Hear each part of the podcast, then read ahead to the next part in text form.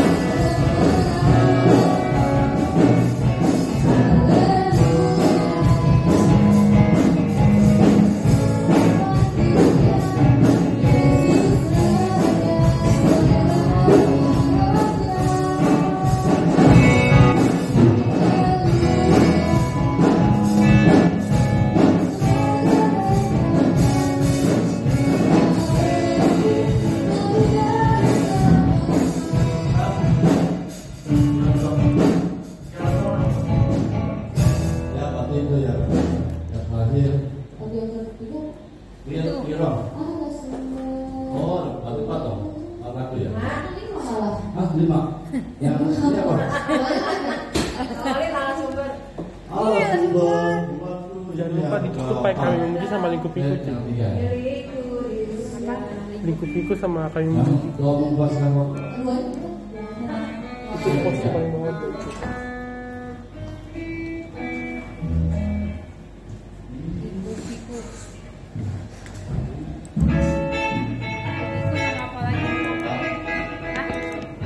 nanti lagu abis firman itu posisinya di tengah-tengah lagu kelima sama kami musik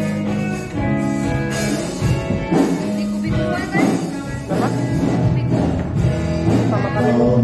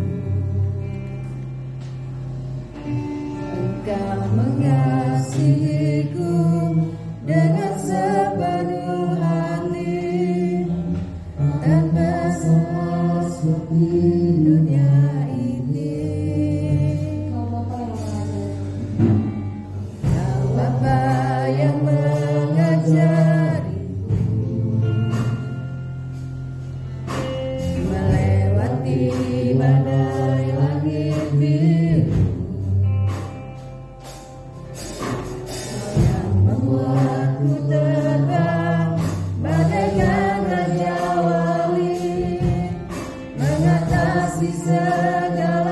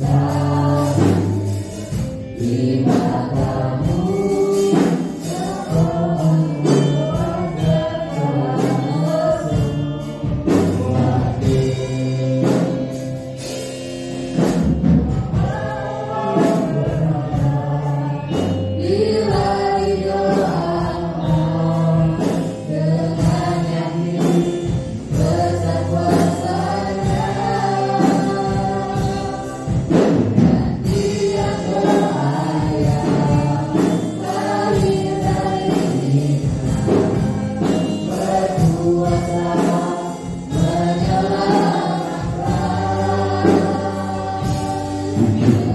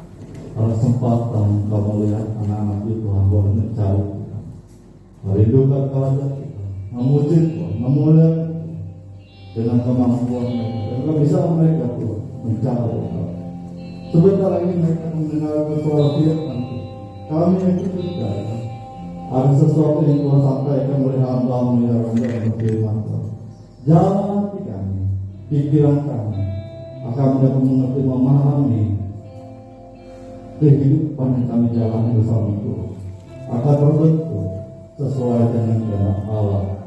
Segala sesuatu yang Tuhan janjikan bagi kami di masa mengajarkan, di masa mendatang akan tergenapi sepanjang kehidupan kami. Kemenangan-kemenangan Tuhan janjikan bagi kami akan terwujud Tuhan. Mari Bapa, biar hati kami terbuka untuk firman Tuhan. Kau jangan hambamu, kuasa pada hati itulah um, hambamu Tuhan. Terima kasih Bapak. Demi nama Tuhan Yesus Kristus kami serahkan doa ini. Haleluya. Amin.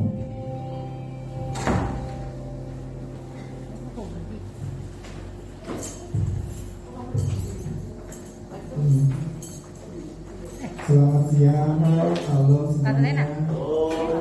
Apa kabarnya?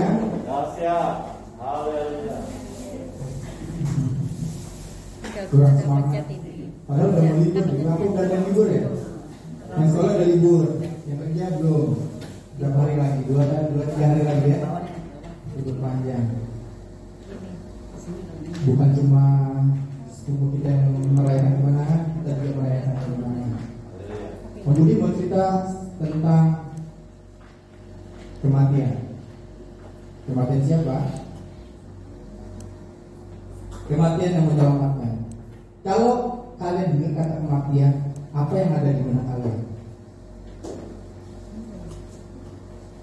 Sedih. Sedih. Nafas lagi sedih. Apa lagi? Selain itu apa? Ada kematian pasti sedih. Karena apa? Ditinggalkan orang yang kita kasihi. Biasanya seperti itu. Eh, kalau Pak Budi bilang Rambu Solo, ada yang pernah tahu nggak apa itu? Ada yang tahu? Prosesi kematian, bukan prosesi kematian sih, ya, prosesi penguburan yang lebih itunya. Kalau ngabe, ngabe tahu. Kalau ngabe diapain? Dibakar. Kalau Rambu Solo itu, itu tradisi dari Tanah Toraja. Kalian pernah lihat film dokumenternya nggak? Kalau di Tanah Toraja tuh mayat, biasanya mereka nggak kubur, taruh di mana? Di dalam rumah. Namanya ram- rambu solo. Rambu solo itu, rambu itu asap, solo itu turun. Jadi asap yang turun. Jadi mereka percaya kalau orang yang sudah meninggal itu mereka harus iringi itu sampai ke surganya mereka gitu. Dan prosesi prosesi ini itu enggak enggak apa ya enggak murah. Karena orang Toraja di sana itu mereka ada kasta-kastanya semakin tinggi kastanya itu semakin mahal. Gitu kan. Mereka tuh harus mengorbankan biasanya kerbau. Kerbau babi. Dan itu jumlahnya itu bukan bukan cuma yang 10, 20, 100, 200 sampai ribuan semakin tinggi derajatnya itu semakin semakin banyak. Karena mereka yakin orang yang mereka kasihi yang sudah meninggal ini bakal senang di sana di surganya mereka itu. Gitu kan itu yang mereka yakinin.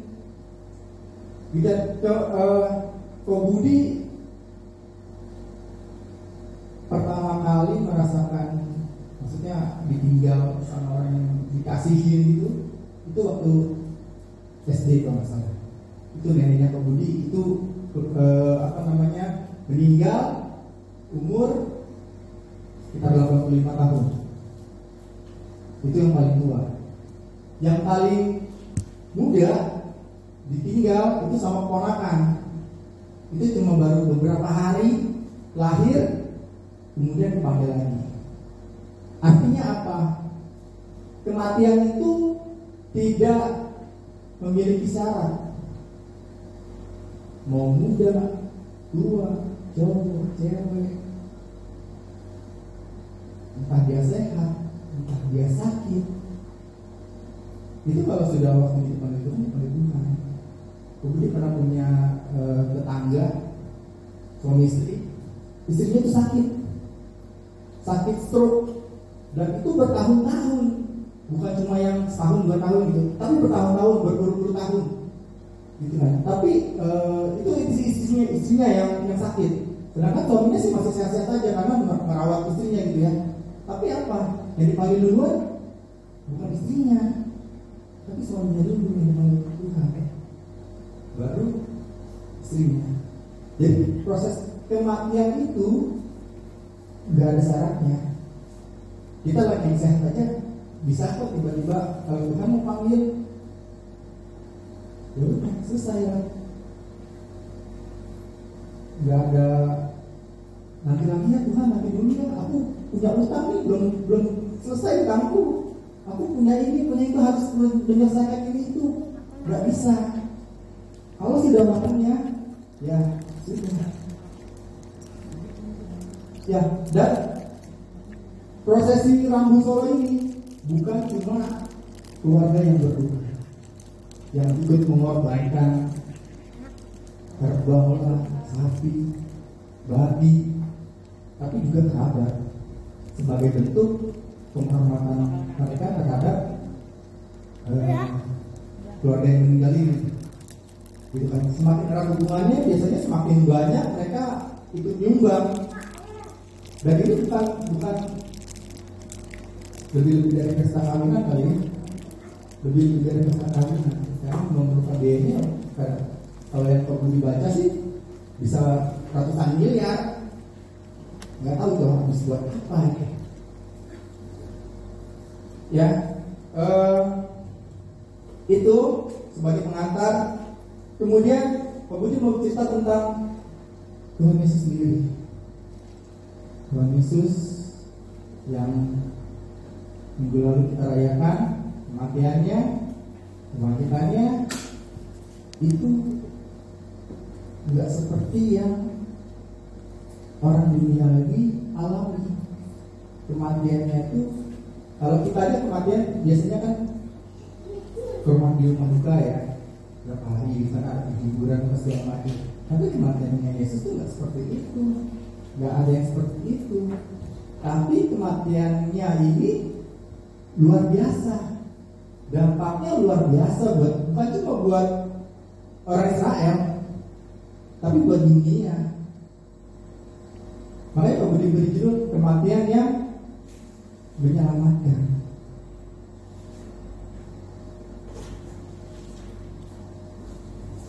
Kenapa kematian Tuhan Yesus itu berbeda dengan eh, kematian manusia pada umumnya? Yang pertama, karena Yesus memilih untuk memberikan nyawanya sekalipun dia sebenarnya berkuasa untuk menghindari kematian. Benar nggak? Amin nggak? Dia itu Tuhan loh. Seharusnya nggak mati. Dia bisa aja.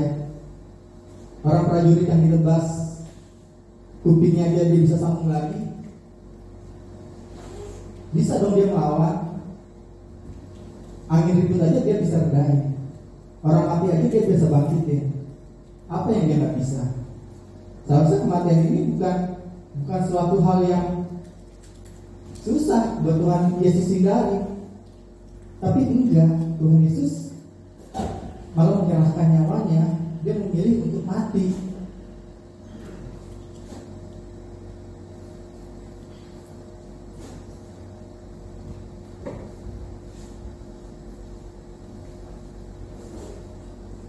Coba kita buka Cici, tolong di Yohanes 10 ayat 17 sampai 18.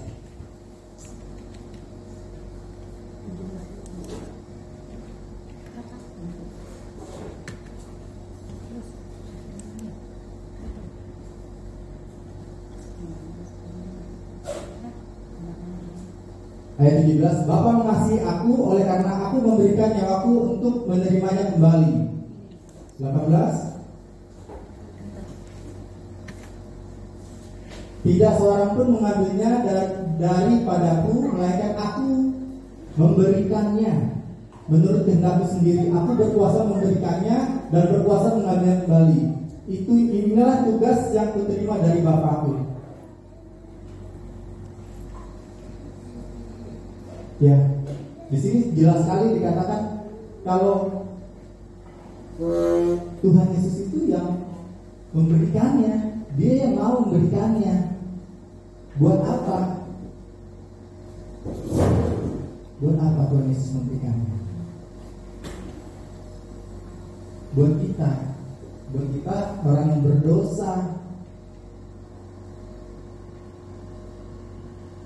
Apa namanya? eh, Tuhan Yesus itu kalian kalian eh, dengar cerita ceritanya waktu semalam malam sebelum Tuhan Yesus eh, dilihat diadili ya itu Tuhan Yesus kan berdoa.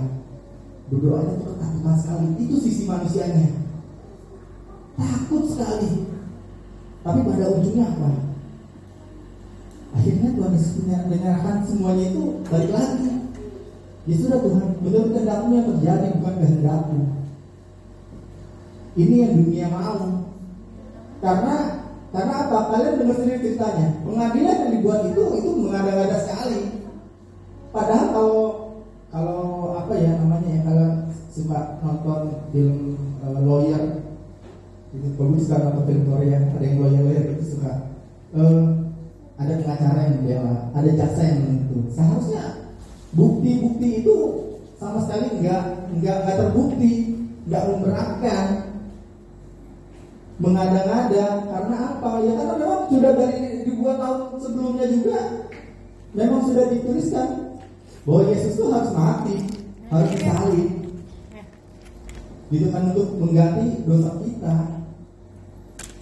Jadi bukan bukan sesuatu yang susah untuk Tuhan Yesus menghindari tetapi dia nggak mau menghindari. Dia sengaja memberikan dia sengaja mau eh, ya udah. Biarkan aku mati. Biarkan disalib. Untuk tebus dosa kita. Gitu ya. Dan terbukti terbukti tiga hari setelah Tuhan Yesus mati dia dia bangkit itu kemauannya kemauannya dia. Jadi dia itu berkuasa atas kehidupannya dia mati kemudian dia bangkit. Itu menandakan bahwa Tuhan Yesus itu hidup. Nggak mati secara fisik tapi dia hidup. Buat kita orang yang percaya ya Tuhan Yesus itu hidup. Terus ada di mana Tuhan Yesus? Dia dia naik di surga buat buat apa? Nah kita bahas lagi. Yang kedua Yesus rela mati dalam kehinaan sekalipun dia adalah anak Allah yang layak dihormati kalian nggak sendiri eh, budaya Rambu Solo tadi itu betapa luar biasanya. Itu tuh kalau potong biasa potong kerbau potong babi itu nggak cuma yang kalau kayak umat saya dulu mau persembahkan dibakar kayak gitu aja enggak. Tapi mereka makan mereka pesta luar biasa itu. Dan bayangin sendiri kalau bisa ratusan puluhan aja kalau puluhan aja ya itu tuh udah luar biasa banyaknya. Pestanya beberapa lama. Pasti itu lama. Pasti itu berhari-hari. Nggak cukup cuma yang sehari dua hari selesai. Kalau kita di sini paling kalau ada kematian dua tiga hari ya. Dari kematian sampai di makamin dua tiga hari paling. Ada yang seminggu tapi itu jarang itu seminggu tuh biasanya nunggu kerabatnya nunggu sanak saudaranya yang belum datang yang belum pulang mungkin ada di luar negeri. Gitu kan?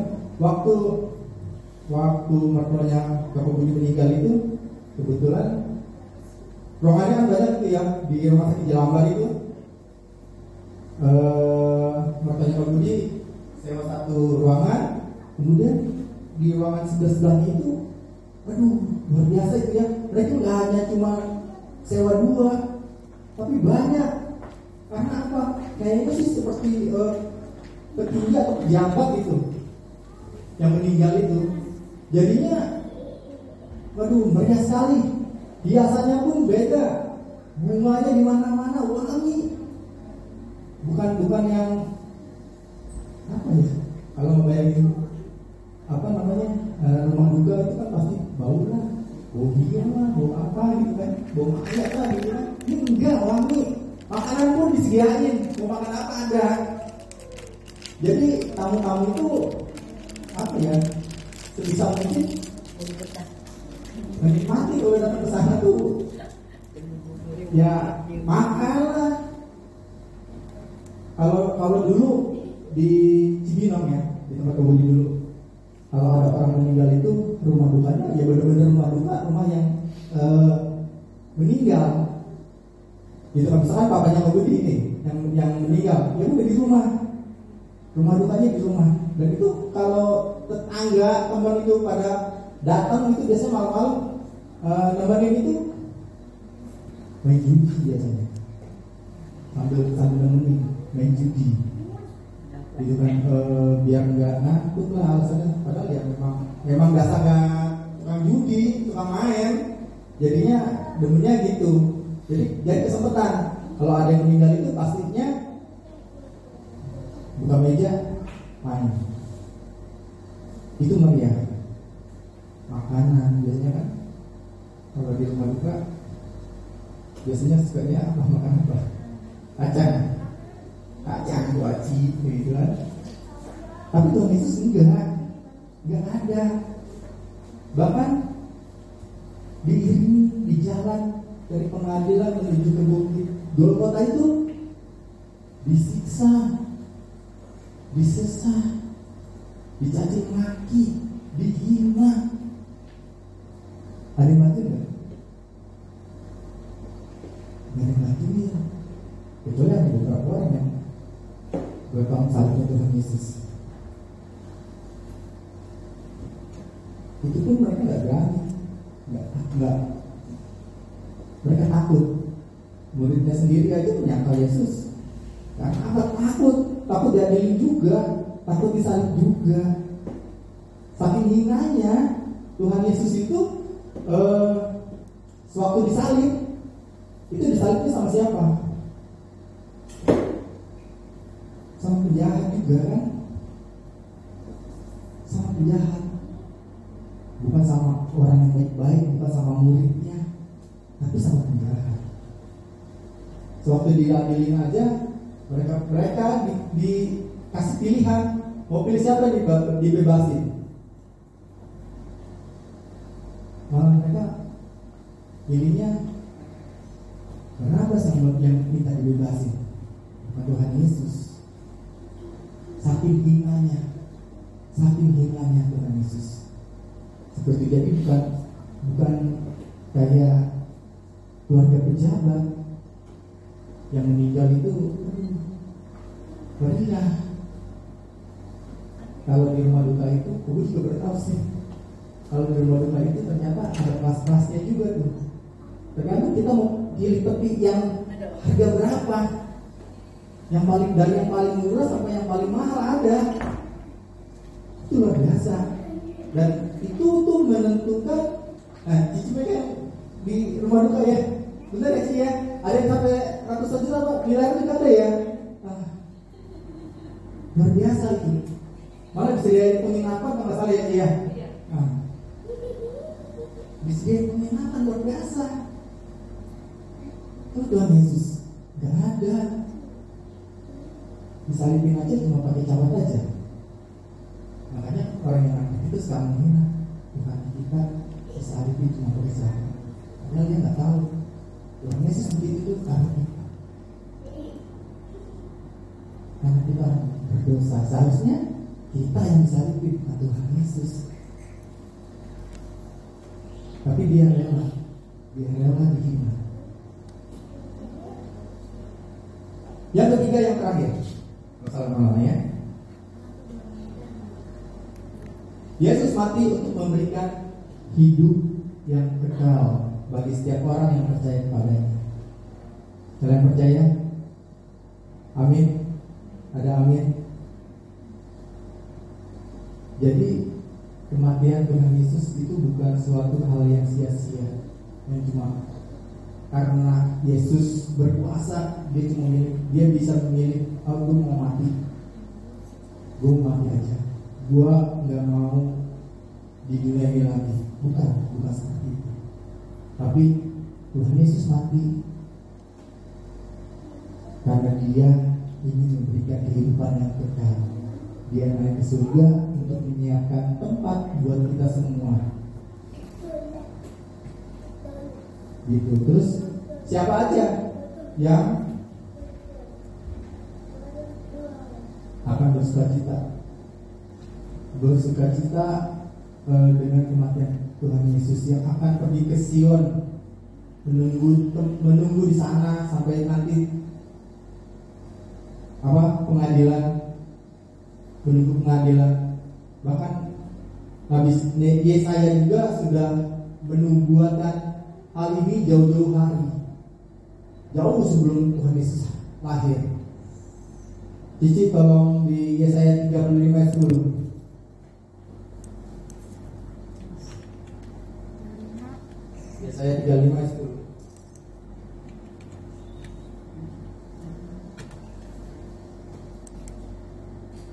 Ini. Yang penutup kita.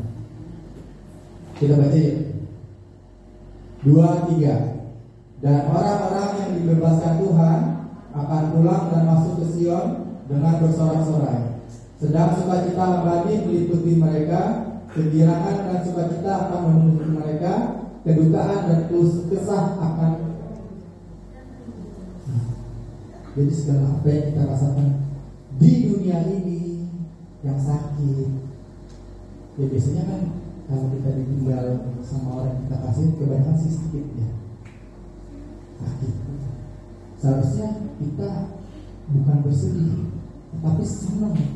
Kenapa senang? Karena orang yang kita kasih ini sudah tidak sakit lagi. Di sana baru sakit. Kedukaan terus kesahan menjauhi mereka. Yang ada apa? Sorak-sorai, sukacita abadi, kegirangan, sukacita akan memenuhi mereka. Yang ada itu. Jadi seharusnya kalau kalau apa namanya ada kedukaan harus senang karena kita di dunia ini itu kan sifatnya hanya sementara. Itu sementara loh kita di sini kayak camping gitu loh. Kalau sudah waktunya pulang ya pulang, selesai. Nggak ada yang abadi. Justru mikirnya itu harusnya eh,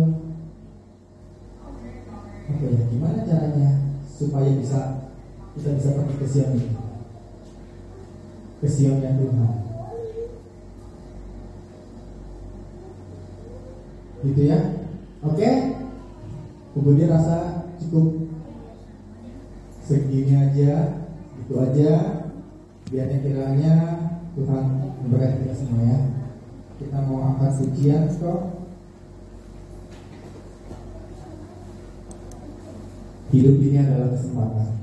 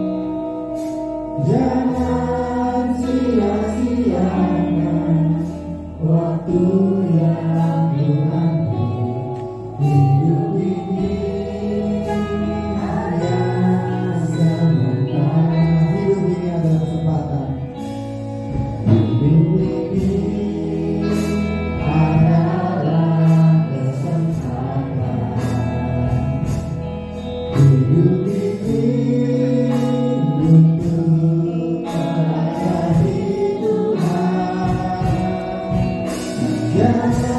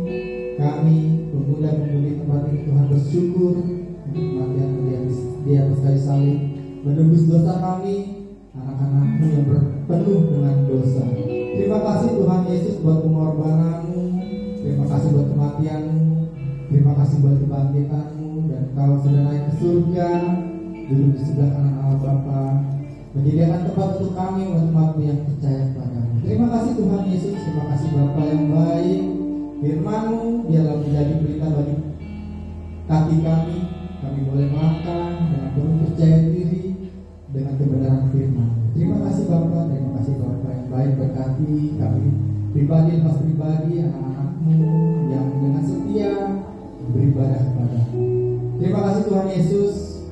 Hanya dalam nama Tuhan Yesus Kristus kami sudah berdoa dan bersyukur.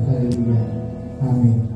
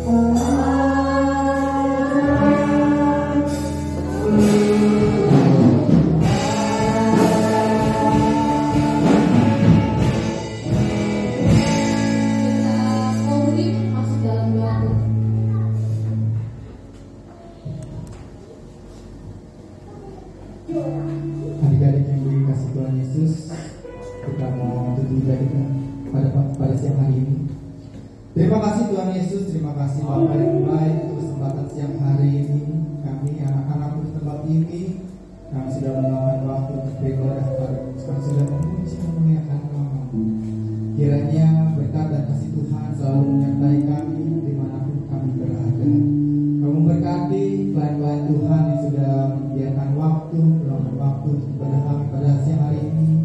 Pemain musik, tim multimedia, tim eh, worship leader, tim singer, semuanya Tuhan kiranya kami boleh lebih setia lagi dalam melayani. Anak-anakmu kamu berkati baik dalam sekolah pekerjaan dan usaha mereka. Ya engkau menjadikannya berhasil terima kasih Tuhan Yesus. Terima kasih Bapak yang baik. Kalau ada rekan-rekan kami yang dalam kelemahan fisik yang dalam keadaan sakit.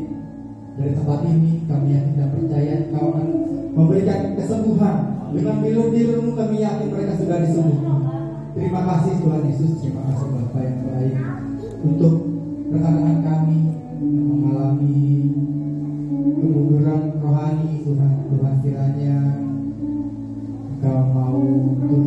campur tangan Tuhan Tuhan biar bekerja dalam hidupnya mereka boleh merasakan kasih dan kemurahan Tuhan dan mereka boleh kembali beribadah bersama-sama dengan kami.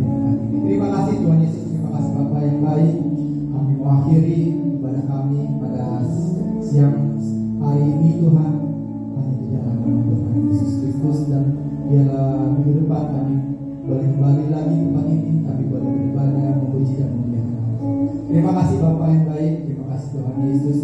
juga mau berdoa untuk eh, rekan-rekan kami yang yang mengisi waktu libur.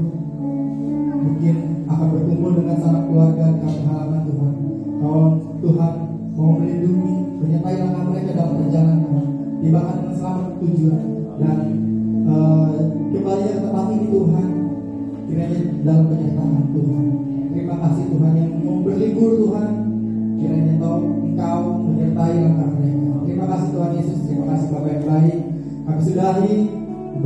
pada siang hari ini hanya dalam nama Tuhan Yesus Kristus. Haleluya.